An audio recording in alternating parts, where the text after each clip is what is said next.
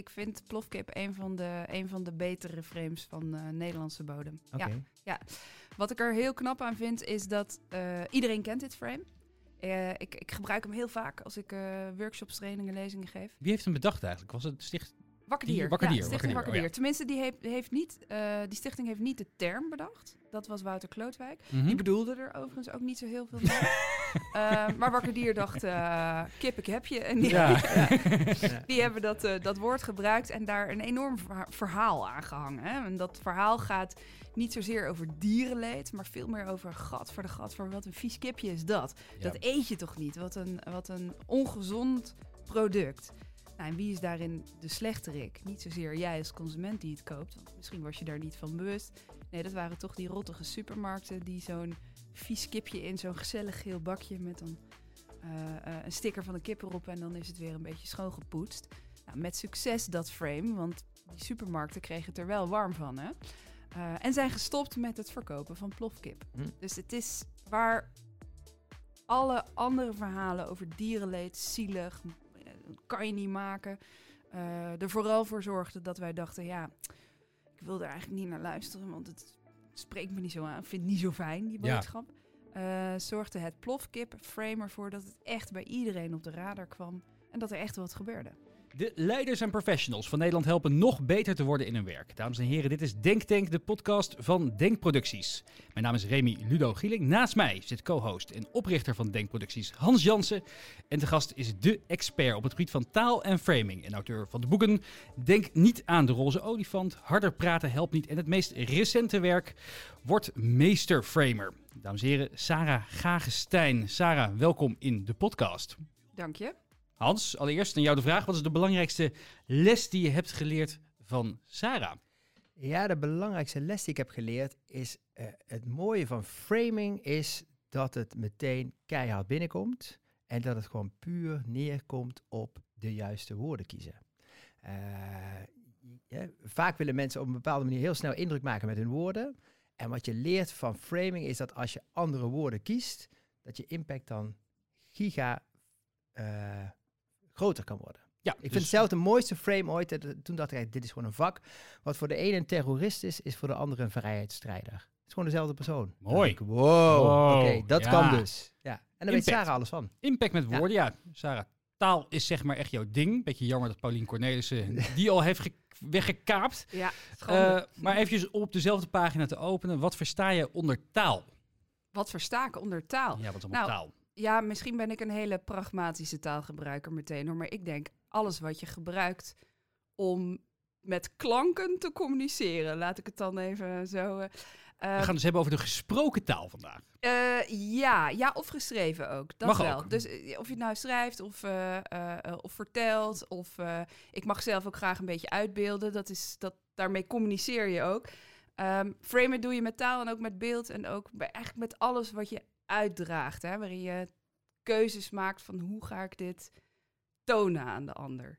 Ehm, maar taal is wel mijn lievelings, moet ik zeggen. Taal maar dat mogen dus ook woorden zijn waarvan andere mensen denken... Huh?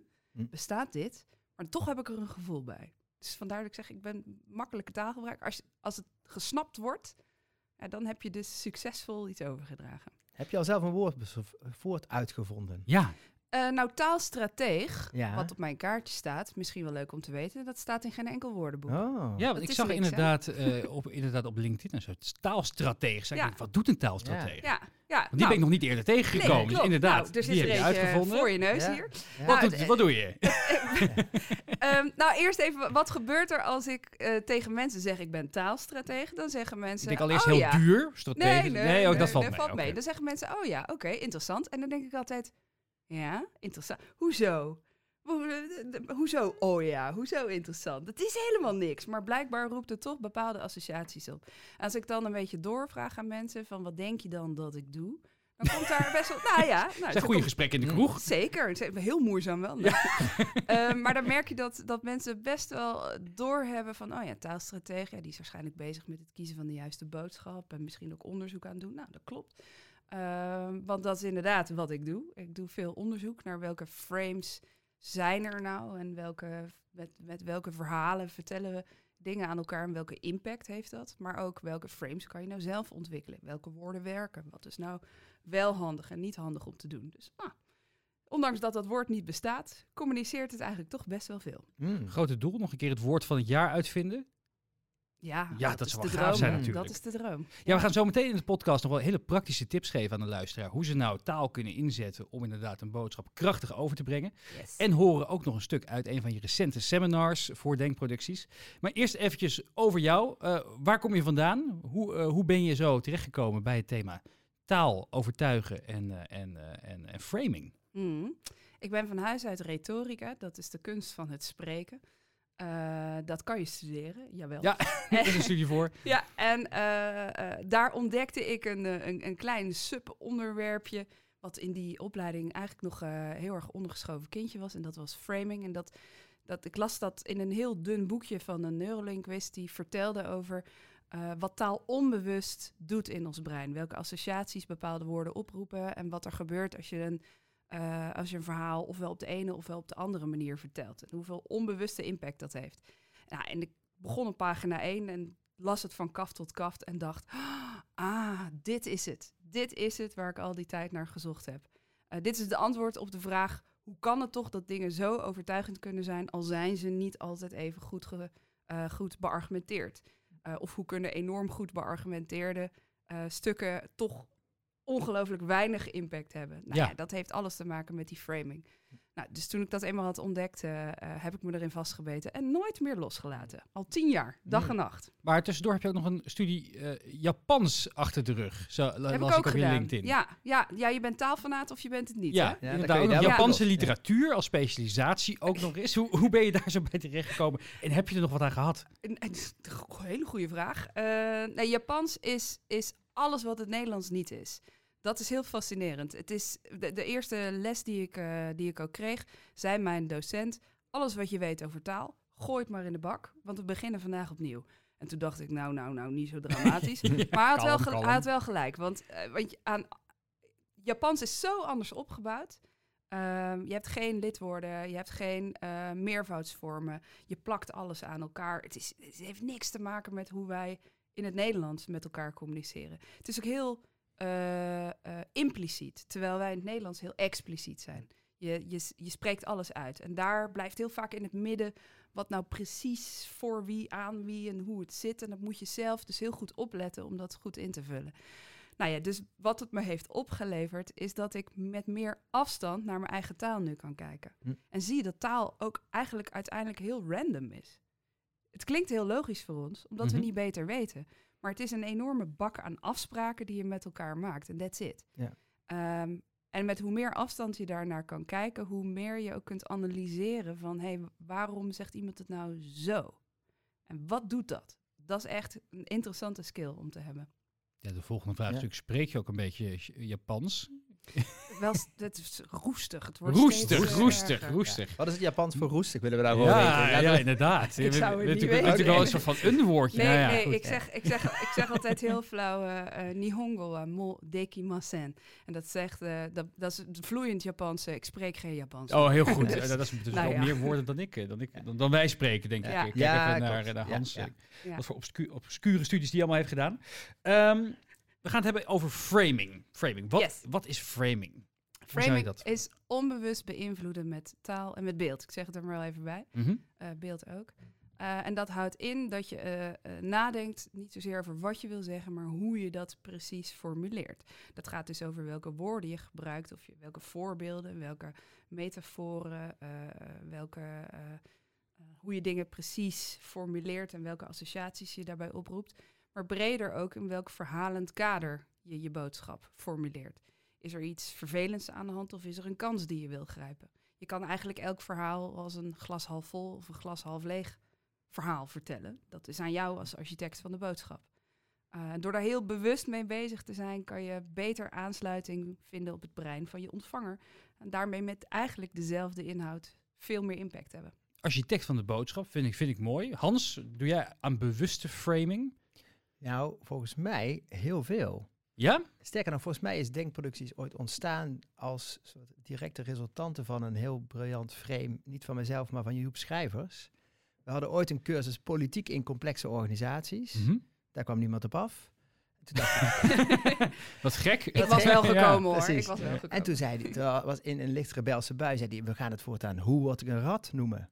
En Hoe word dat, ik een rat? En dat werkte als een malle. En later dacht ik, alle titels die wij proberen te bedenken, Wat was de hebben originele titel? Ik, kan nu al co- niet, niet politiek meer... in complexe organisaties. Oh, ja. ja. ja. Hoe word ik een rat? Hoe Goed. word ik een rat? En toen ging het ineens als een malle. MBA in één dag was natuurlijk eh, eh, zo'n ding dat heette eerst eigenlijk het Management Classics Seminar. Ja. Ja, toch anders. Ja. Dus er zit zeker, ik merk zelf, als je titels voor eh, seminars moet gaan, gaan bedenken, dat is voor mij hardloopwerk. Dus Ja. gewoon een uur Ja. weg en laten marineren en pas het laatste kwartier komt er wat. Het is puur Ja, ik wil inderdaad- vragen, hoe bedenk je dan die titels? Maar dat is echt gewoon een beetje op je in laten komen. Een, een, bubbelbadmomentje onder de douche. Eh, Vooral niet te actief over nadenken dan. Ja, in mijn geval wel. Maar ik weet niet hoe dat bij jou zit, Sarah. En eh, de vraag is ook, is het dan is het nou wetenschap of is het echt een soort vaardigheid? Ehm, nou, er zitten, er zitten allerlei wetenschappelijke eh, principes achter. Maar het is hoe jij het inzet inmiddels is, is, is eigenlijk heel intuïtief. Maar wat Mhm. je doet en waarom die titels dus zo goed werken, is jij gaat in de schoenen van de ontvanger staan. Wat wil die ontvanger? Wat Zul- komen ze halen? Wat vinden ze belangrijk? Zullen we eens een paar bekende frames bespreken? Je weet er vast een paar. De, de, degene die bij altijd is bijgebleven, volgens mij ooit bedacht door Carl, Carl, Carl, daar ga ik al, Carl, Ja. Carl Rove. Ja, is ook Eh, een pittige naam. Ja, Ja, ja, is ook een balpittige naam. En hij- volgens mij is hij de, eh, de geestesvader van eh, de term climate change. Omdat, Frank Luntz Frank. Luntz is dat. Ja, Ah, ja. Heb ik het al fout? Nee, Maar dat heeft oma Carl niet bedacht. ik denk- want het ging daarvoor voor mij altijd over global warming. Ja. En Ja. dat, dat, dat, dat had een soort van iets naargeestigs. En de wereld staat in Ja. de fik. En we gaan er... eh, Gaat we- één we kant op, hè, naar, de eh, verkeerde. Ja, Ja. precies. En eh, toen kwam iemand in één keer met, met, met climate change. En ik dacht, oh, Ja. dat klinkt wel lekker. Dat klinkt wel comfortabel. Ja. Ja. Global warming klinkt ook gezellig, toch? Haardvuurtje. Ja. ja. En eh, ik was pas hadden we een seminar met Simon Sinek, die zei ze hadden het moeten noemen, vond ik fantastisch. Climate cancer. Oef. Ja, ook- ja, Ja, wel even keihard erin. Dat, maar het is komt er wel wel wat het echt is. even met het groeit namelijk door zonder dat je het Ja. wil. Ja. Nou, Nou, dat, dat, is inderdaad goede Ja. framing, denk Ja. ik The. Guardian heeft laatst gezegd, wij gaan het vanaf nu eh, geen eh, climate change meer noemen. Want die change, die kan twee kanten op. Ja. Mhm. En alles verandert, verandering is normaal. Dus dat is de associatie die ze daarmee wilden oproepen. Van jongens, maak je nou niet zo druk. En The Guardian heeft gezegd, wij gaan het climate crisis noemen. En Oh, een crisis, kijk. gaat- da- daarvan weet je ook, het is een probleem hè. Ja. Ja. Maar ik heb wel toch een dikke vette maar bij zowel climate cancer als climate crisis. En dat is, eh, als het gaat om duurzaamheid, als je Mhm. het verpakt als een megaprobleem, dan moet je ook een mega oplossing hebben. Ja. Want als, wij, als je ons bang maakt, eh, dat zo werkt een klassiek fear appeal. Als je ons bang maakt, dan moet je ook een handelsperspectief Ja. bieden. En dat hebben we natuurlijk wel bij eh, klimaatverandering of opwarming van de aarde, hè, even het oude frame. Ehm, maar het is niet heel duidelijk, het is niet heel helder, het is niet heel tastbaar. Iedereen moet wat doen. Dus mensen heel erg bang maken en dan hopen dat ze in actie komen, is een gevaarlijk frame. Blijft Hmm. het. Want dan gaan we allemaal een soort van schrikreactie. Ja, even Als een niks hert doen. in de Ja, koplampen, hè? Precies. Ja, ja. Dus wat je nu ziet is dat er ook steeds meer positieve frames bijkomen. Die zeggen van, hé, wat valt er nou te winnen als we investeren in het klimaat? Mhm. Eh, dat kan eh, te maken hebben met, eh, eh, met investeren in je eigen huis en in je eigen comfort thuis. Het kan Mhm. te maken hebben met, hé, hey, we maken van vandaag een betere wereld voor de volgende generatie. Kan ook. Of het is ook je eigen gezondheid, want hoe gezonder de aarde, hoe gezonder wij zelf. Nou, dat zijn allemaal winstperspectieven, Mhm. die even waar zijn. Mhm. En maar net een ander stukje van het verhaal vertellen. En daarin zie je dat je hele andere groepen die daarvoor denken, nou, eh, ik ga in bed liggen en ik doe alsof er niks aan de hand is, daarmee wel in beweging krijgt.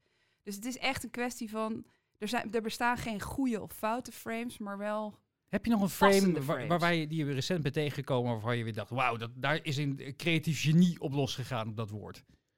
Ehm, ik vond persoonlijk de reactie van de VVD op het terugbrengen van de maximumsnelheid naar 100 Rotmaatregel. echt heel goed. Ja. ja, echt heel goed. En dan niet per se nee, echt het woordje rotmaatregel, is op zich fraai hoor. Mhm. Ja. Maar vooral dat ze zeiden, dus dat ze het frameden als...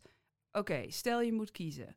Eh, de economie eh, eh, of eh 100, eh, of de, de slechtere economie of 130 rijden. Want dat is het dilemma wat Mm. ze neerlegden. Hè? We doen dit voor de boeren, we doen dit voor de bouwindustrie. Ja, en dan valt het ineens allemaal wel een beetje mee. Hè? Er was Ja. ook niemand, ze stonden het fantastisch, stonden allemaal nieuws, teams bij tankstations om eigenlijk boze automobilisten te spreken. En iedereen zei, nou ja, weet je, We het maakt het er wel. allemaal niks uit, joh. 100, 130, Ja. drie Ja. minuten later thuis. Ja, Het lukte totaal niet Nee. om iemand boos Nee, te krijgen. nee. Maar ik zag ook meteen dikke abris langs de weg. En ze hadden er wel echt heel goed over nagedacht. Ja. Het was niet zo even Dat een de goede mediacampagne op, eh, op losge... eh, Ja, Ja, Maar daar is dus onwijs goed over nagedacht. Ja. En kun je dat testen ook? ja zeker. Ja? Ja. Ja, je kan bijvoorbeeld met focusgroepen, eh, eh, kan je dat eens even voorleggen en dan kijken wat er gebeurt. Mm. Weet je, dat, dat kan je natuurlijk, dat kunnen wij doen als onderzoekers.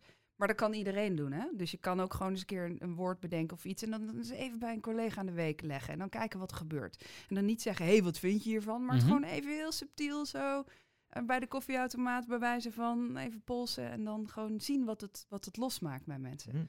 Eh, Maar ik las, op een van je, ik la- ik las op een van je blogs ook, eh, een beetje door site gescrolld natuurlijk vooraf, eh, dat, dat, dat, dat een woord voor verzinnen hè, of framing Mhm. is nog niet, dan ben je er nog niet. Je moet ook dingen heel vaak herhalen. Ja. Herhaling is ook Ja. key Ja. om een boodschap een beetje krachtig over de bühne Ja. te krijgen. Dat komt omdat die frames als een soort olifantenpaardje in ons brein steeds dieper uitgesleten worden. En hoe vaker je iets hoort, hoe vaker je iets herhaalt, hoe dieper dat paadje uitsluit. En hoe groter de kans dat mensen dat als hun voorkeurspad gaan gebruiken.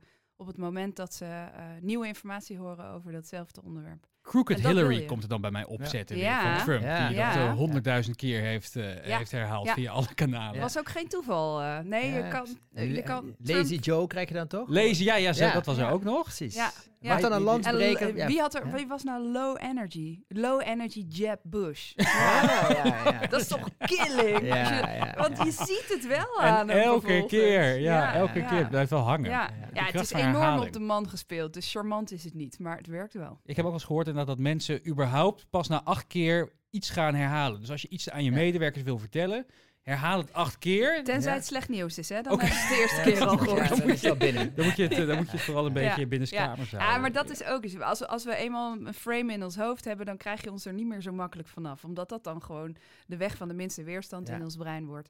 Dus dan moet je flink investeren om er iets nieuws voor in de plaats te zetten. Helemaal als mensen al een soort van negatieve interpretatie hebben gemaakt. Bijvoorbeeld als je een verandering in, eh, binnen de organisatie hebt. En je hebt net niet heel erg handig uitgelegd waarom. Dan gaan mensen hun eigen redenen Ja. bedenken van nou dat zal wel zijn omdat ze daarboven dit of dat. Ja, dan is het heel moeilijk om dat weer te counteren. Dus daar moet je echt in investeren. Omdat die negativiteit blijft heel makkelijk hangen dan. We hebben zo meteen nog een paar stellingen voor je, duivels dilemma's. Ja. Yes. Eh, ik heb ook nog een paar, of we hebben ook nog een paar eh, quotes opgezocht die, eh, Ja. die ergens van je verschenen zijn. Misschien kan je er even eentje ja. uitkiezen, Hans. En dan vragen we om wat toelichting. Precies. Nou, mag ik nog even, ik heb nog even eentje in de categorie. soms moet een frame dus acht keer landen. Ja? Mhm. Deze week zag ik, eh, las ik een artikel van eh, Rob Wijnberg. En die wilde het woord cherrypicking eh la- lanceren, maar dan cherry als in cherry baudet. Namelijk, select, is een fantastische hashtag is dat. Selectief wetenschap helemaal verkeerd aanhalen. ter Cherrypicking. eigen cherrypicking. Toen dacht ik, oh. Oh, fijn. Ja, Ik hoorde dat die vaak in de lucht Ja. moet komen, dus hebben we nu één Ja. kleine, Cherrypicking, dit is al nummer twee. Ja, kleine karma puntjes voor Rob Wijnberg. ja mooi. Ehm, Heel mooi. Ja, want je hoeft ook niks uit te leggen. Als Nee. je dat zo eh, Nee. Dan denk je, oh ja, tuurlijk. Ja. Cherrypicking. En je kan hem ook lekker gebruiken als hij weer ergens mee komt. Zeggen, oh Thierry, we zijn weer aan het lekker aan het cherrypicken. Fantastisch? Ik Ja. Ja, oh, dat wil je dan verzonnen hebben. Maar dan ben ik nog, voordat we dan Ja. naar, naar die Ja. zo'n quote gaan, ben ik wel even benieuwd. eh, ook inderdaad, ik, ik, ik, ik ga er een beetje van uit dat politici over het algemeen heer en meester zijn in, eh, in framing. Als je, Ja. als je een beetje over beroepsgroepen kijkt. Of zeg ik, daar, zeg ik dat verkeerd? Nou, het is wel eh, part of the job. Maar dat Ja. wil niet zeggen dat ze er allemaal eh, echt geniaal in zijn. Maar welke, welke andere beroepsgroepen heb je nog die daar ook gewoon veelvuldig gebruik van maken? Ik vrees de journalisten. Iedereen die communiceert vreemd. Alleen niet altijd ja. bewust. Hè? Daar ja, maar het gaat om. bewust framing. Ja, precies. Oké, heel eh, strategisch framen. Ja. In de journalistiek. Ja. eh, in de rechtspraak. Oh, een ook. beetje advocaat framed. Oh. Natuurlijk, ja. Ja, Ja, rechtspraak. Ehm, nou, een, een goede, goede leider. Een echt een goede leidinggevende. eh, houdt zich daar ook mee bezig. Ja, politici inderdaad. En, en zie je op- bij politici ook nog verschillen in partijen? We eh, hebben we een partij in Nederland waarvan jij kan herkennen, ja, die zijn echt actief bezig met een boodschap zo goed mogelijk te verpakken elke keer. Ik nou, vind de dat- VVD heeft er laatst ja. goed over nagedacht dus. Ja, nou, maar de VVD sowieso, die zijn consistent. Eh, en dat Mhm. is wel belangrijk. Want als je consistent framet, dan word je ook steeds herkenbaar op je, herkenbaarder op je boodschap. En zij weten heel goed waar ze het over hebben en wanneer en op welke op welke manier en onder welke voorwaarden. En daar zijn ze heel eh eh, secuur in. En dat, dat, nou ja, dat, dat zie je dat dat loont.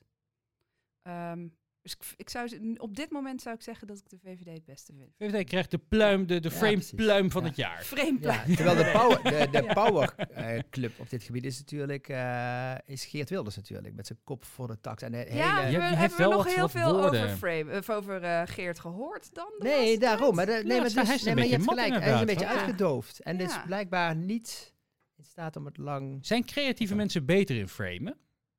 Eh, soms wel, soms niet. Is geen gegeven. Hmm. Hm. Nee, nee. Want je zou Ja. denken inderdaad, je, als je goed over woorden moet nadenken en hoe kan ik het nou herverpakken op een pakkende, Mhm. levendige, beeldende manier, Mhm. dat, je, dat, je, dat je daar wat, wat, wat creativiteit voor nodig hebt. Dat is niet per se een vereiste. Ehm, nou, het helpt wel, maar het is niet goed genoeg. Het is creatief, creatief zijn is niet goed genoeg. Want het belangrijkste Mhm. voor een succesvol frame is dat je je kunt inleven in een ander.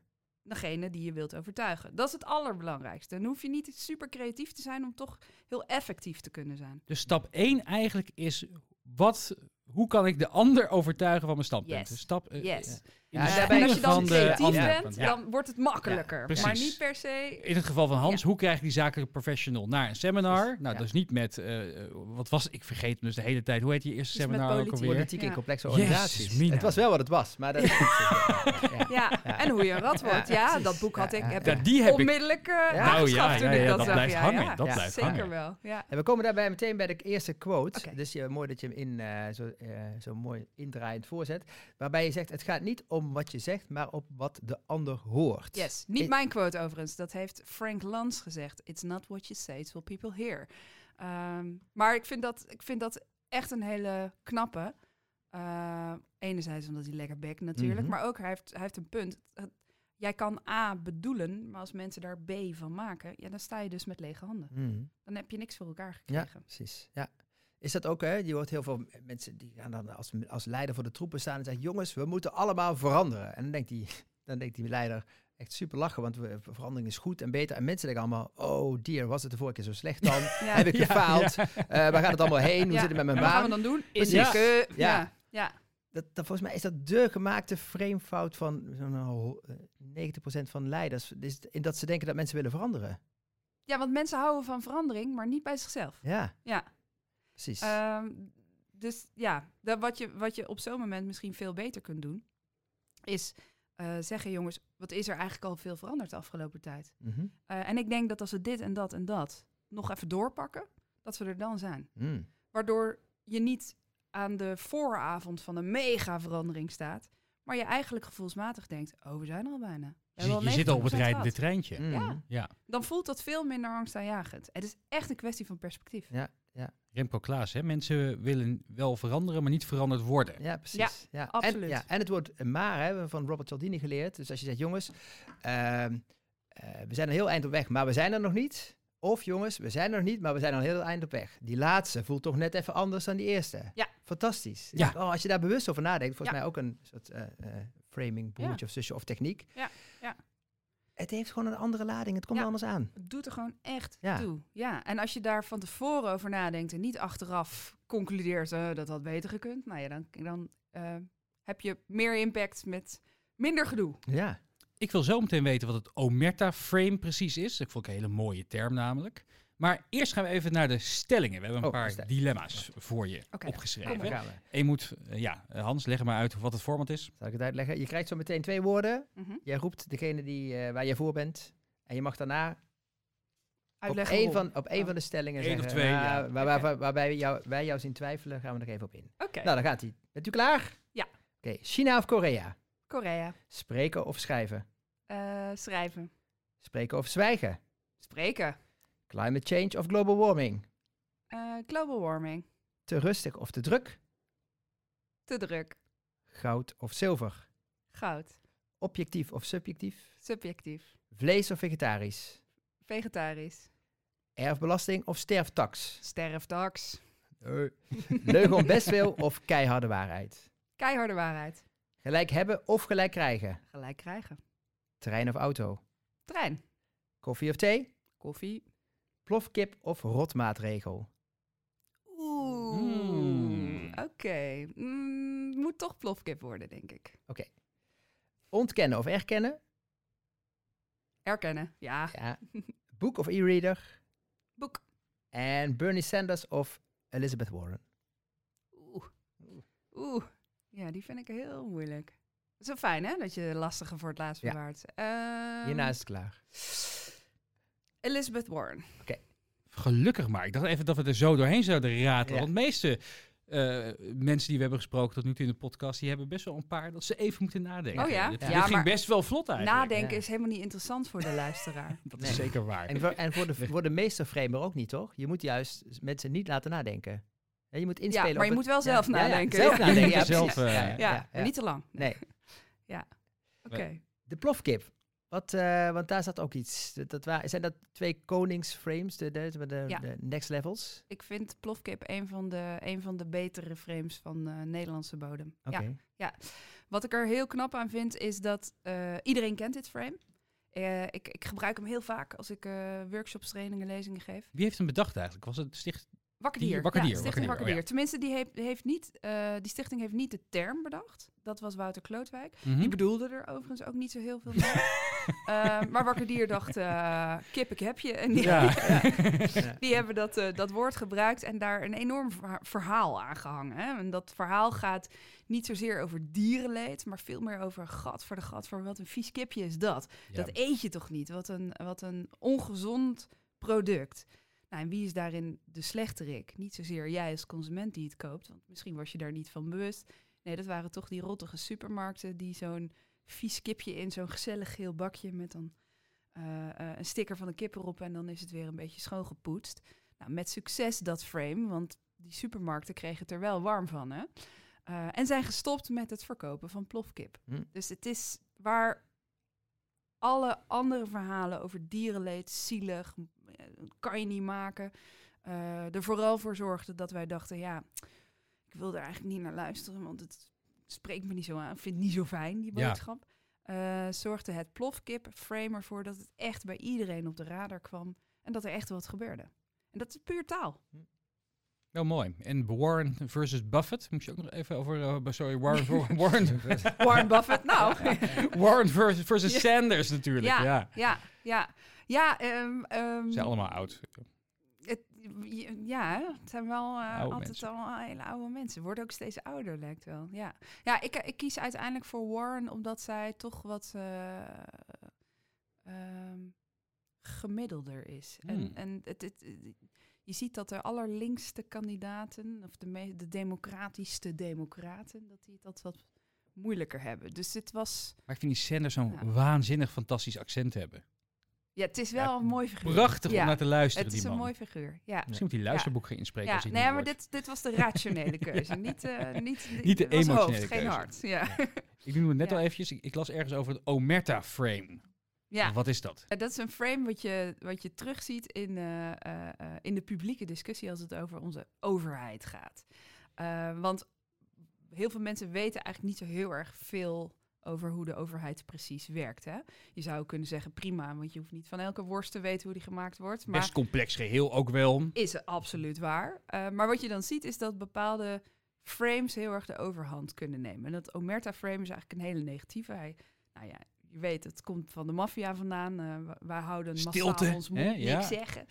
Ehm, en dat mensen het gevoel krijgen van... oh ja, bij, de overheid vertelt ons lang niet alles. Alles is binnen gesloten Beetje kamers. complotdenken en- bijna. Zeker, ja, het is echt een complotframe. Maar goed, weet je, als je De hoge Eh, heren in Den Haag. Ja, maar als je de toeslagenaffaire van de beide belastingdiensten eens een keer naast legt, nou dan kan je toch ook wel een beetje begrijpen waarom mensen dat soort ideeën. En wat voor, wat, wat het voor mensen gebruiken... Frame, het is ja, maar een frame uiteindelijk, hè? Dus maar wat voor mensen oordeel. gebruiken die vaak? In welke, welke context zie je hem wel eens terugkomen? Het, het Omerta-frame? Ehm, als het, eh, wa- waar, waar je hem vaak ziet, is als het gaat over ICT en overheid. Dus Oh ja, Dat wordt allemaal in de doofpot gestopt en daar horen we niks over. Maar wat ik het interessant vind aan het Omerta-frame is dat er, eh, dat er een, een, een overtuiging aan vastzit. Eh dat iedereen bij de overheid eh, op één lijn zit. En Ja. met elkaar gesproken heeft en heeft gezegd: jongens, mondje dicht. Vind ik altijd zo mooi, hè? Ze vertellen ons niet alles. Ja. Ja, Wie ja. is ze in vredesnaam, Ja, weet je ja. wel? Er elke, elke maandag een conference call is met alle overheidsmedewerkers. Ja, maar dat- even Ja. gaan bepalen. Eigenlijk, eigenlijk is dat dus wel... Nou ja, het is een, het is een mega negatief frame, maar een aardig compliment. Dus Ja. dat ze heel Ja. goed op de hoogte zijn van elkaar. Want dat is ook maar ernstig de vraag of dat zo is natuurlijk. Ja. Eh, maar er zitten allerlei aannames in. En, en het aardige van zo'n frame is als mensen dat eenmaal geloven... dan zien ze er overal bevestiging voor. Gebeurt het binnen bedrijven ook? Ik ben een beetje zeker. nadenken. Ja hoor. Hè, dat je, dat je hè, de basis, die bepalen ook altijd alles. En die gaan Ja. altijd, eh, eh, Ja. altijd eh, weer En daar zit dan een dingen. reden achter. En ze, alles wat ze Ja. zeggen is iets heel anders Of dan die andere afdeling wordt altijd voorgetrokken. Ja. En wat zal er naar Ja. achter zitten? Ja, dat kan. En op het moment dat je zo'n dat je zo'n frame in je kop hebt, dan, dan ga je bevestigingen van zoeken en vinden. Eh, want dat is ook wat, wat frames doen. Hè? Het, het zet je een soort bril op, waardoor je alleen maar de dingen scherp ziet die kloppen bij dat frame. Dus soms is het ook heel goed om eens even te onderzoeken welke frames heb ik nou eigenlijk in mijn eigen kop zitten. En het zijn maar verhalen, dus wat gebeurt er als ik ze even parkeer? Kan ik dan misschien ineens hele andere dingen ontdekken? Hey, is er een, eh, het, het lijkt inderdaad, hè, eh, bijna kunst, wat je, het is woord kunst. Stel je voor, ik, zit, eh, ik ben als leider, ik moet naar een vergadering toe en ik wil bijvoorbeeld een, een bepaald projectplan er doorheen krijgen. En ik Mhm. weet al, oeh, kost duur qua geld, veel risico's. Hoe kun je, als je een pitch doet, een, een, een plan door een vergadering wil krijgen, wat moet je doen om te denken, om, om tot een goed frame te komen? Ja. Zijn, daar, zijn daar een soort van, van hulpmiddelen voor? Ja. Zeker, zeker. Nou ja, er is, er is ook echt gewoon een, een methode die je daarvoor kunt gebruiken. Hm.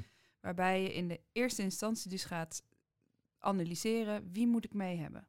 Wie, is nou, wie gaan hier nou echt over? Eh, eh, wie heb ik echt nodig? Ehm, en dat is misschien niet de hardste nee-roeper in de zaal, maar misschien degene die zich nog een tijd even stilhoudt op de achtergrond, die je uiteindelijk dan moet hebben. Ehm, nou, dat is stap 1. Tegen wie heb ik het? Eh, dan hoe maak ik het belangrijk voor die ander? Dus als je zegt van nou, het wordt hartstikke duur, ja, dan heb je de financiële pop aan het dansen natuurlijk. Maar je kan eigenlijk het ook misschien wel omdraaien en zeggen: ehm, jongens, we kunnen het ons niet veroorloven om niks te doen. Want dat wordt veel te duur op den duur. Dus dan maar liever nu even de pleister in één keer eraf trekken en dan is het gelukt. Dan Ja. zitten we weer een tijd goed. Dan leg je de nadruk alweer op iets heel anders. Ehm, en dan ook dan daarna, dus hoe maak je het belangrijk? En dan ook van wie, wat moet ik hier nou precies voor vertellen? En wanneer vertel ik te veel? Want dat is vaak ook een uitdaging. Hè? Dat wij willen het hele verhaal vertellen.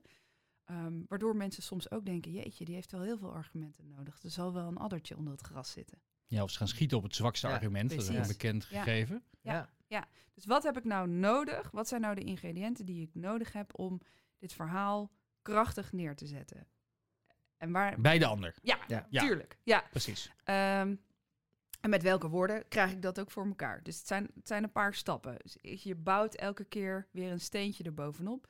En dan is het kiezen van de juiste woorden bij- bijna een soort van het laatste stapje pas. Ehm, want je moet eerst weten van wat is nou het gevoel wat ik wil overbrengen.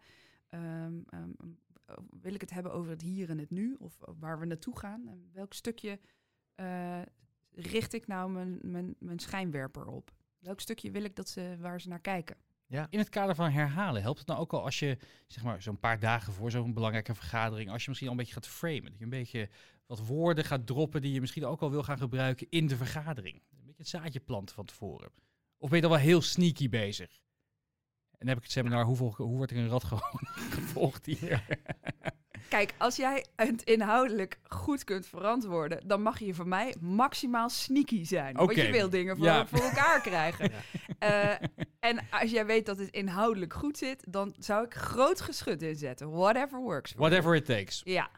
Eh, ja, het, het- het is wel de- je zou wel kunnen nadenken over, kan je misschien van tevoren al ehm, ervoor zorgen dat ze op die manier er meer naar gaan kijken. Dus als je het meer een financieel ding wil maken, of meer een innovatieding, of meer een, een bestuurlijk, dan kan je daar al wel een beetje proberen aan te sturen. Hè? Maar zorg wel dat het subtiel blijft. Want mensen laten zich graag verleiden totdat ze doorkrijgen dat je aan het verleiden bent.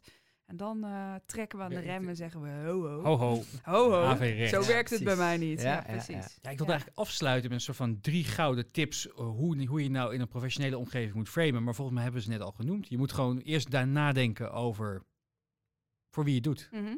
Ehm, dan eh, de, de, de, de, de woordkeuze en tot slot herhaal de boodschap. Ja, ik wil er nog eentje aan toevoegen. Heel goed. Een hele belangrijke. Ja, Eentje die op, op papier het makkelijkste zou moeten zijn, maar in de praktijk nog eh, vaak een beetje tegenvalt. Mhm. En dat is, zeg alsjeblieft wat het wel is. Mm. Eh, want die zag ik volgens mij ook op jouw quote-lijstje Ja, staan. ja, maar wij, zijn, we hebben zoveel content. Ja, ja, we kunnen, we kunnen Ja. uren Ja, podcast, Ja. eh, 24, 24 uur met. Ja, ja. nou, ik goed, volgende ja. Eh, maar ontkennen is erkennen. Dat is een hele belangrijke framingles. Wat Mhm. ik heel vaak hoor is dat mensen zeggen...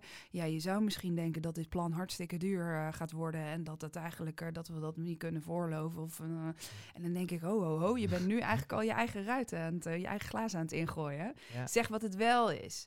Ehm, ehm, ik geef altijd graag als voorbeeld... eh, eh, het is echt niet zo dat ik heel erg veel schoenen heb. En dan zie je zo'n hele zaal denken... uh-huh. Mhm.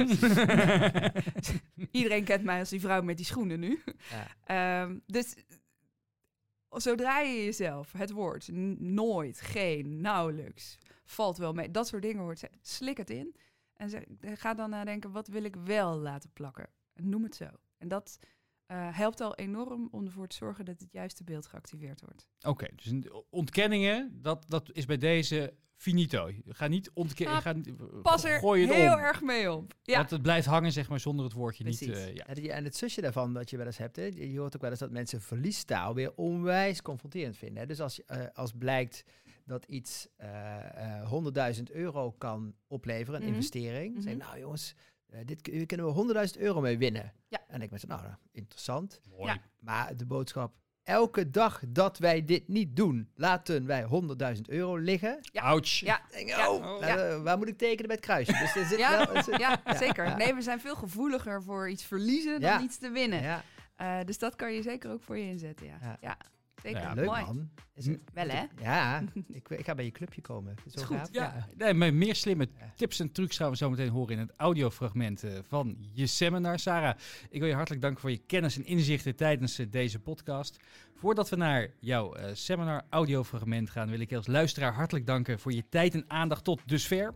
Hopelijk heb je handvaten gekregen waarmee je morgen, straks of na het weekend, afhankelijk van wanneer je, wanneer je deze podcast luistert, je klanten, collega's of leidinggevenden nog effectiever overtuigt. Vond je dit tot nu toe een leuke podcast? Vergeet je dan niet te abonneren op DenkTank via je favoriete podcast-app. En schrijf je vooral in voor de nieuwsbrief van Denkproducties om te zien wanneer je Sarah tijdens een seminar tegen het lijf kunt lopen. Wat je zo tijdens deze seminars kunt leren, dat hoor je nu. We gaan luisteren naar een onderdeel van de lezing van meesterframer Sarah Gagestein. Zorg dat je woorden voor je werken en niet tegen je. Zorg dat je de juiste associaties te pakken hebt. Dat is een hele mooie plek om te beginnen om strategischer te gaan framen. En ik wil jullie op een paar woorden die werken wijzen. Ehm, een van mijn favoriete woordsoorten, de, eh, het, mooi, het knapste ding ter wereld, ook een van de meest invloedrijke dingen ter wereld. Ehm, de blinde geleidehond van het brein, zou ik het bijna willen noemen, is de metafoor. Met een goede metafoor ben je al over de helft. Dat heeft ermee te maken omdat metaforen een ontzettende impact hebben op ons brein. Zodra we een metafoor tegenkomen, dan grijpen we die vast, dan klampen we eh, ons aan vast en dan krijgen we kunnen we er bijna niet meer omheen denken. Ga er maar eens op letten, we gebruiken veel meer metaforen dan je denkt. Ehm, zo kwam ik deze een keer tegen, dat vond ik mooi. In ehm, Am- Amerikaans militair jargon heet een eh, precisieaanval heet niet een precisieaanval, maar een surgical strike. Surgical strike. Vind ik slim. Want wat voor associaties, ik hoop positieve, hebben jullie bij chirurgen? Dat de patiënt er over het algemeen wel een beetje van opknapt, dat hij weet wat hij doet en alleen snijdt waar het nodig is. Hè? Veel preciezer dan dat krijg je het niet. Eh, al die dingen worden gratis geactiveerd op het moment dat je zo'n term gebruikt. Oké, andere categorieën. Ehm, welke woorden werken nou? Met welke woorden krijg je onbewust nou meer voor elkaar? Het zit hem in de eerste plaats eh, vooral echt bij de associaties die je opwekt. En is dat een goede associatie of is dat een verkeerde associatie? Net als met die metafoor. Een tijdje terug had ik een, eh, eh, een dame in een, eh, in een groep, in een workshop. En die vertelde over dat zij een ruimte hebben bij hun op kantoor. waar ze, waar ze onderhandelen met de, met de leverancier. Dus eens in zoveel tijd verandert er weer wat. En dan duiken zij dat hok in om eens even met de leverancier om tafel gaan zitten. om die afspraken weer goed te maken. En ze merkte, vertelde ze al een, een tijdje, dat de spanningen bij- bijzonder waren toegenomen. En ze kwam er niet helemaal goed uit waarom. Ehm, totdat ze, zei ze, bij mij in de workshop zat en ineens dacht: shit, wat heb ik gedaan? Wat bleek nou? Ze had die ruimte laten redesignen. En ze had die een mooie nieuwe naam gegeven, die in grote letters op de deur stond. En wat stond erop? The War Room. Ja, ehm, dus iedereen die ging zeg maar zo naar binnen. Ehm, dus ik zei, nou, daar moet je wel wat aan doen hoor. Eh, en dat, gaat even, dat duurt dan even voordat je die associatie weer kwijt bent, maar ga toch maar doen. Nou, maanden later eh, eh, mailde ik er, en hoe staat het ermee? Ze zei, nou, het gaat stukken beter. Ze had het namelijk gereframed tot de Control Tower. En dan nog één categorie, retorische rakers. Ehm, mooie taal overtuigt sneller. Slaat dat ergens op? Nee. Maar het is wel zo, dus doe er vooral je voordeel mee. Als wij eh, iets aantrekkelijk vinden klinken, dan nemen we het sneller aan. Dat is raar, maar het is zo. En er zijn twee dingen die taal aantrekkelijker kunnen maken. En dat zijn rijm en drieslag. Begin even met rijm. Daar moet je niet te veel van gebruiken. Hè. Je moet niet een soort Sinterklaas gedicht hebben. Weet je, met beginrijm kan je meer dan met eindrijm. Met beginrijm, alliteraties, retorische rakers, werkende woorden, dat zijn ze al. Eh, dat glibbert dan gewoon lekkerder het brein in. Sorry voor dit beeld, maar het is wel zo. Eh, de drieslag daarentegen, daar mag je zo ver mee gaan als je wil. Vreemd genoeg is alles wat bij ons in drieën naar binnen komt, voelt af, rond, klaar, niks meer aan doen. Heel raar, maar het is echt zo. Vandaar dat Rita Verdonk jaren geleden al zei: Ik ben niet links, ik ben niet rechts, ik ben recht door zee. Oh, denkt ons brein dan. Schitterend. Ehm, ja, en heeft bijvoorbeeld eh, Heineken, heerlijk helder Heineken. Allitererende drieslag, wat wil je nog meer? Eh, de Vader, de Zoon, de Heilige Geest. Eh, bloed, zweet en tranen. Wisten jullie dat het ooit bloed, zweet, modder en tranen was? Nee, hè? Het was een vierslag, maar daarvan denkt ons brein... En dan skippen er gewoon één. Dus de eerstvolgende keer dat jij een punt wil maken in vier brokken... please maak er drie van. En je wordt per definitie overtuigender. Nobody knows why, maar doe het maar gewoon. Eh, het voelt gewoon beter en mooier. En eh, voor wie nu denkt, ja, maar als je alles in drieën gaat doen, dan wordt het toch ontzettend irritant. Weet je wie er altijd alles, alles in drieën deed? Barack Obama. Die gebruikte maar liefst drie drieslagen per minuut als hij sprak. Drie drieslagen per minuut. Nooit opgevallen, toch? Eh, lees de speeches er maar eens op na. Oké, eh, uiteindelijk gaat het in heel veel gevallen bij strategische framing om dit. Maak het onzichtbare weer zichtbaar. Zorg dat de ander het ziet. Dat was hem dan. Dankjewel voor het luisteren naar deze podcast van Denkproducties. Wil je leren van de beste sprekers en trainers uit binnen- en buitenland? Vergeet je dan niet te abonneren via je favoriete podcast-app. En wil je ons echt een plezier doen? Laat dan een reactie achter via iTunes. Dat helpt namelijk om de podcast beter gevonden te worden. Bedankt voor het luisteren en heel graag tot de volgende keer.